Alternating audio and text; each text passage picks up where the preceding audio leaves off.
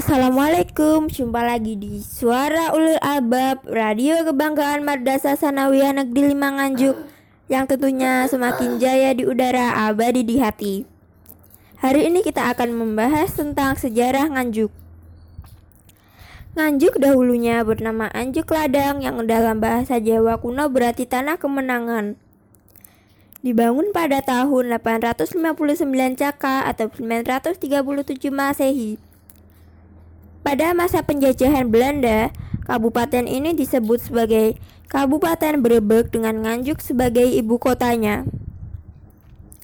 Kabupaten ini berbatasan dengan Bojonegoro di utara, Jombang di timur, Kediri serta Ponorogo di selatan, serta Madiun di barat.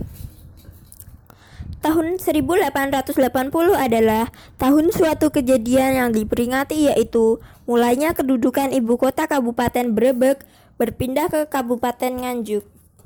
Dengan ditetapkannya kota Nganjuk yang meliputi kampung dan desa tersebut di atas menjadi ibu kota Kabupaten Nganjuk, maka secara resmi pusat pemerintahan Kabupaten Brebek berkedudukan di Nganjuk.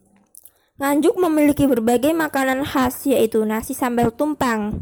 Semacam sambal yang dibuat dari tempe dilumatkan dengan bumbu dan ser dan rasanya gurih serta pedas. Sekian sedikit informasi yang dapat saya sampaikan tentang Nganjuk.